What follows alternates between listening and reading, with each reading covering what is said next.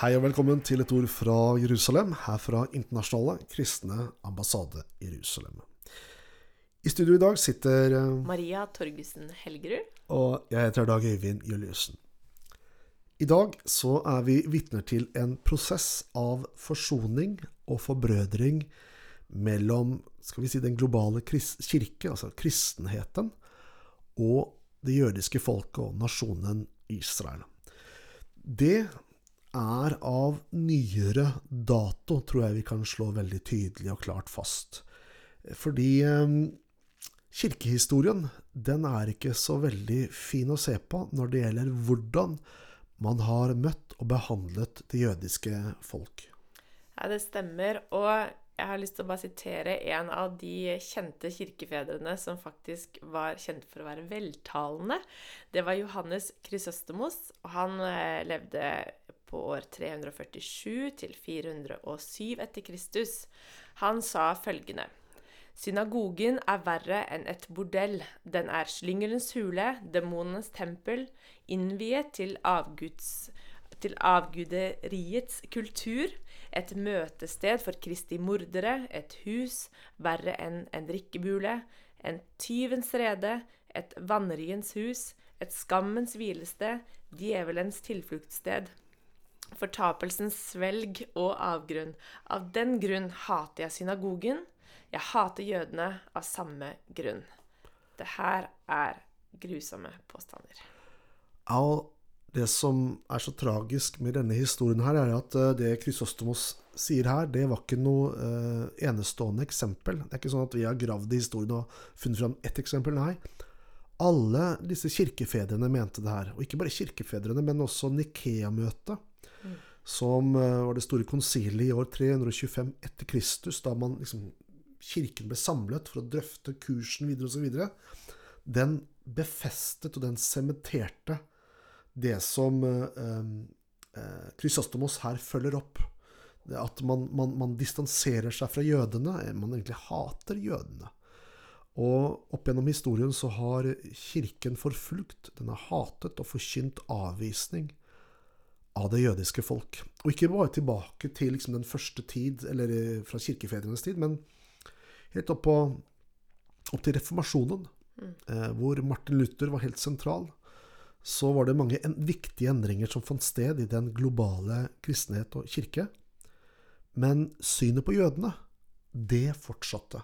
Det ble opprettholdt med Martin Luther. Mm. Så hans, han ga jo ut to hefter i 1542 og 1543 hvor han eh, angrep jødene. Han foreslo at jødiske skoler og synagoger skulle brennes, og at jøder skulle omplasseres til egne bosetninger osv. Det, det her er en lang og tung og mørk og iskald natt i kirkehistorien. Jeg pleier å si det sånn at uh, dette er uh, det mørkeste kapittelet i, i, kirkehistorien. Ja, det er det virkelig. Mm. Og jeg må bare spole liksom tilbake igjen til start, da Jesus lever. Han uh, det er jødene som har budskapet og skal overlevere det videre. Det er de som eh, skal gjøre det, Eller ja, det er de som får mandatet av Jesus til å gi det videre. Det er de som blir den første menigheten. Og når er det det her oppstår? For Nikea-møtet er jo da på 300-tallet. Det er ganske tidlig, syns jeg. Men eh, hvor tidlig begynner det egentlig? Ja, det er et godt spørsmål. Eh, vi vet at eh, den første menigheten, eller kirken, som vi leser om utenfor jødefolket, det er i Rom. Og eh, den, den første menigheten der, den besto av jøder og, og, og, og hedninger. Da. Hedninger er alle som ikke er jøder. Og da På slutten av 50-tallet etter Kristus, eller rundt 59 etter Kristus, så ble jødene fordrevet fra Rom. Og det blir også jødene som da bodde, eller som var en del av denne kirken i, Rom. Uh, og så skriver Paulus rundt fem-seks år senere romerbrevet. Og da er det ganske interessant, når du leser i Romerne 9, 10 og kanskje særlig 11, så begynner han kapittel 11 med å si Eller det som vi har gjort i kapittel 11, da. Med å si Har da Gud forkastet sitt folk? Nei, langt derifra, sier han. Gud har ikke forkastet sitt folk. Og han skriver også Ikke ros deg overfor eh, grenene. For eh, hvis de blir brukket av, så kan også du bli brukket av. Altså, det er en advarsel i hans brev når det gjelder synet på jødene. Mm. Og det skriver han altså til en kirke som har vært uten jødisk kontakt i fem-seks år. I dag så har vi vært uten jødisk kontakt i nesten 2000 år. Og vi har stått for erstatningsteologi som forkaster jødenes plass i Guds store frelsesplan. Men, men, det kan se ut som om at allerede på denne tiden så begynte disse tankene om at Gud er ferdig med jødene. Gud handler bare med oss som, som kirke. Den kom snikende ganske fort, med andre ord. Ja, faktisk. Eh, og, og eh, det er skjellig grunn til å tro at dette er årsaken til at Paulus er litt sånn advarende i Romerbrevet 11. Og så, ble det, og så utviklet, utviklet dette seg fremover. Jeg må også bare legge til at etter fem-seks år så fikk også jødene komme tilbake igjen til Rom, og kom tilbake også til, til kirken. Mm. Så, så, det hadde nok akkurat skjedd da Paulus skriver romerbrevet, så mener man da. Mm. Vi skal snakke mer om denne prosessen som vi om, har snakket om bakgrunnen for nå. Eh, men først skal vi høre på musikk.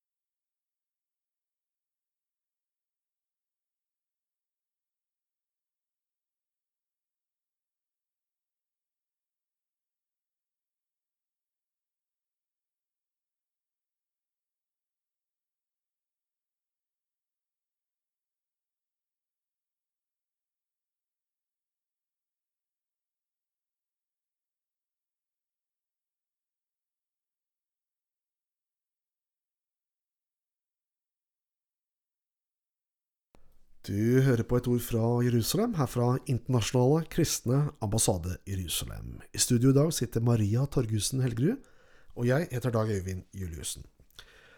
Det vi snakker sammen om i dag i dette programmet, det er at det pågår en prosess av forbrødring og forsoning mellom kristne og jøder. Før musikken som vi hørte på her nå i sted, så snakket vi om at kirken var preget av hat og fiendskap mot det jødiske folket. Helt fra kirkefedrene og opp til nesten våre dager.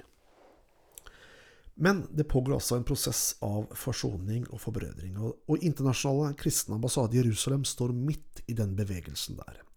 Og Før vi går videre, så har jeg bare lyst til kort fortelle, for uh, hvert eneste år så er vi med på det som kalles for Jerusalem-marsjen, hvor titusener av israelere er samlet i Jerusalem, og vi er flere tusen kristne samlet på Løvhyttefesten i Jerusalem, og som deltar i denne feiringen av skikkelig herlige celebration. Og her for et par år tilbake, så, eller for noen få år tilbake, så intervjuet vi noen tenåringsjenter med TV-kameraet vårt, og så stilte vi spørsmålet Hvordan opplever dere det her? Og så svarte de Vi føler at hele verden hater oss, men But here we feel love. Men her føler vi kjærlighet. Og så rant tårene i øyet på dem. Og det rørte oss jo.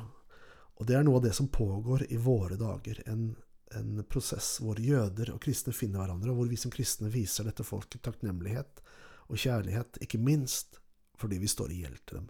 Samtidig så vet vi at her i Vesten så er det brytninger på dette, fordi vi har vært preget av erstatningsteologi i århundrer, som lærer at Gud er ferdig med jødene.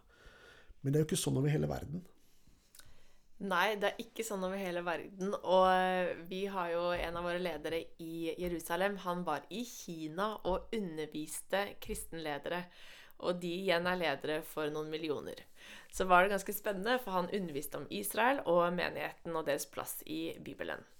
Og så merker han bare at de er veldig eh, støttende og ja til dette her. Og så spør han etterpå har dere hatt noen fra Israel som har forkynt dette? Har dere hatt mye undervisning om det her? Men det hadde de ikke hatt. De hadde bare lest i Bibelen.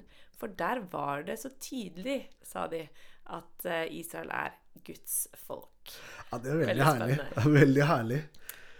Og I dag så pågår det jo en global vekkelse, ikke først og fremst her i Vesten, men i Sør-Amerika, i Afrika og i Asia så er det millioner som tar imot Jesus, og kirken vokser. Og så, så, på en måte så ser vi at dette tyngdepunktet i den globale kirke som har vært i Vesten, det flyttes bort. Og det flytter seg mot et, en kirke som er veldig levende og brennende, men som også mange steder velsigner jødene uten disse reservasjonene, og velsigner Israel uten disse reservasjonene som finner i teologiske miljøer her i, i, i Vesten. Og det er jo oppmuntrende. Det er veldig oppmuntrende. Og det er jo en rikdom å, å se hvordan Gud åpenbarer seg gjennom eh, det jødiske folk, og hvordan Jesus sier at frelsen kommer fra jødene. Det betyr at for meg i dag, i 2021, så jeg, har jeg mulighet til å tro på Gud ved at jeg tror på Jesus og det verket han gjorde på korset. Og Jesus er jøde. Derfor er det en naturlig del at jeg forholder meg også til det jødiske folk og til Israel, og Jesus da som sier at frelsen kommer ikke bare fra han selv, men fra jødene i mm. flertall. Og det sier til meg at det er eh, viktig for meg å forstå at eh, det jødiske folk har rett og slett også betalt en pris for at jeg skal få lov å tro på Jesus og tro på Gud i dag. Uh, utrolig good, good, preaching, Maria. Vi har kommet til veis ende i vårt program. Du har lyttet til et ord fra Jerusalem, fra Internasjonale kristne ambassade i Jerusalem. Du hørte Maria Torgussen Helgerud, og jeg heter Dag Øyvind Juliussen. Takk for i dag.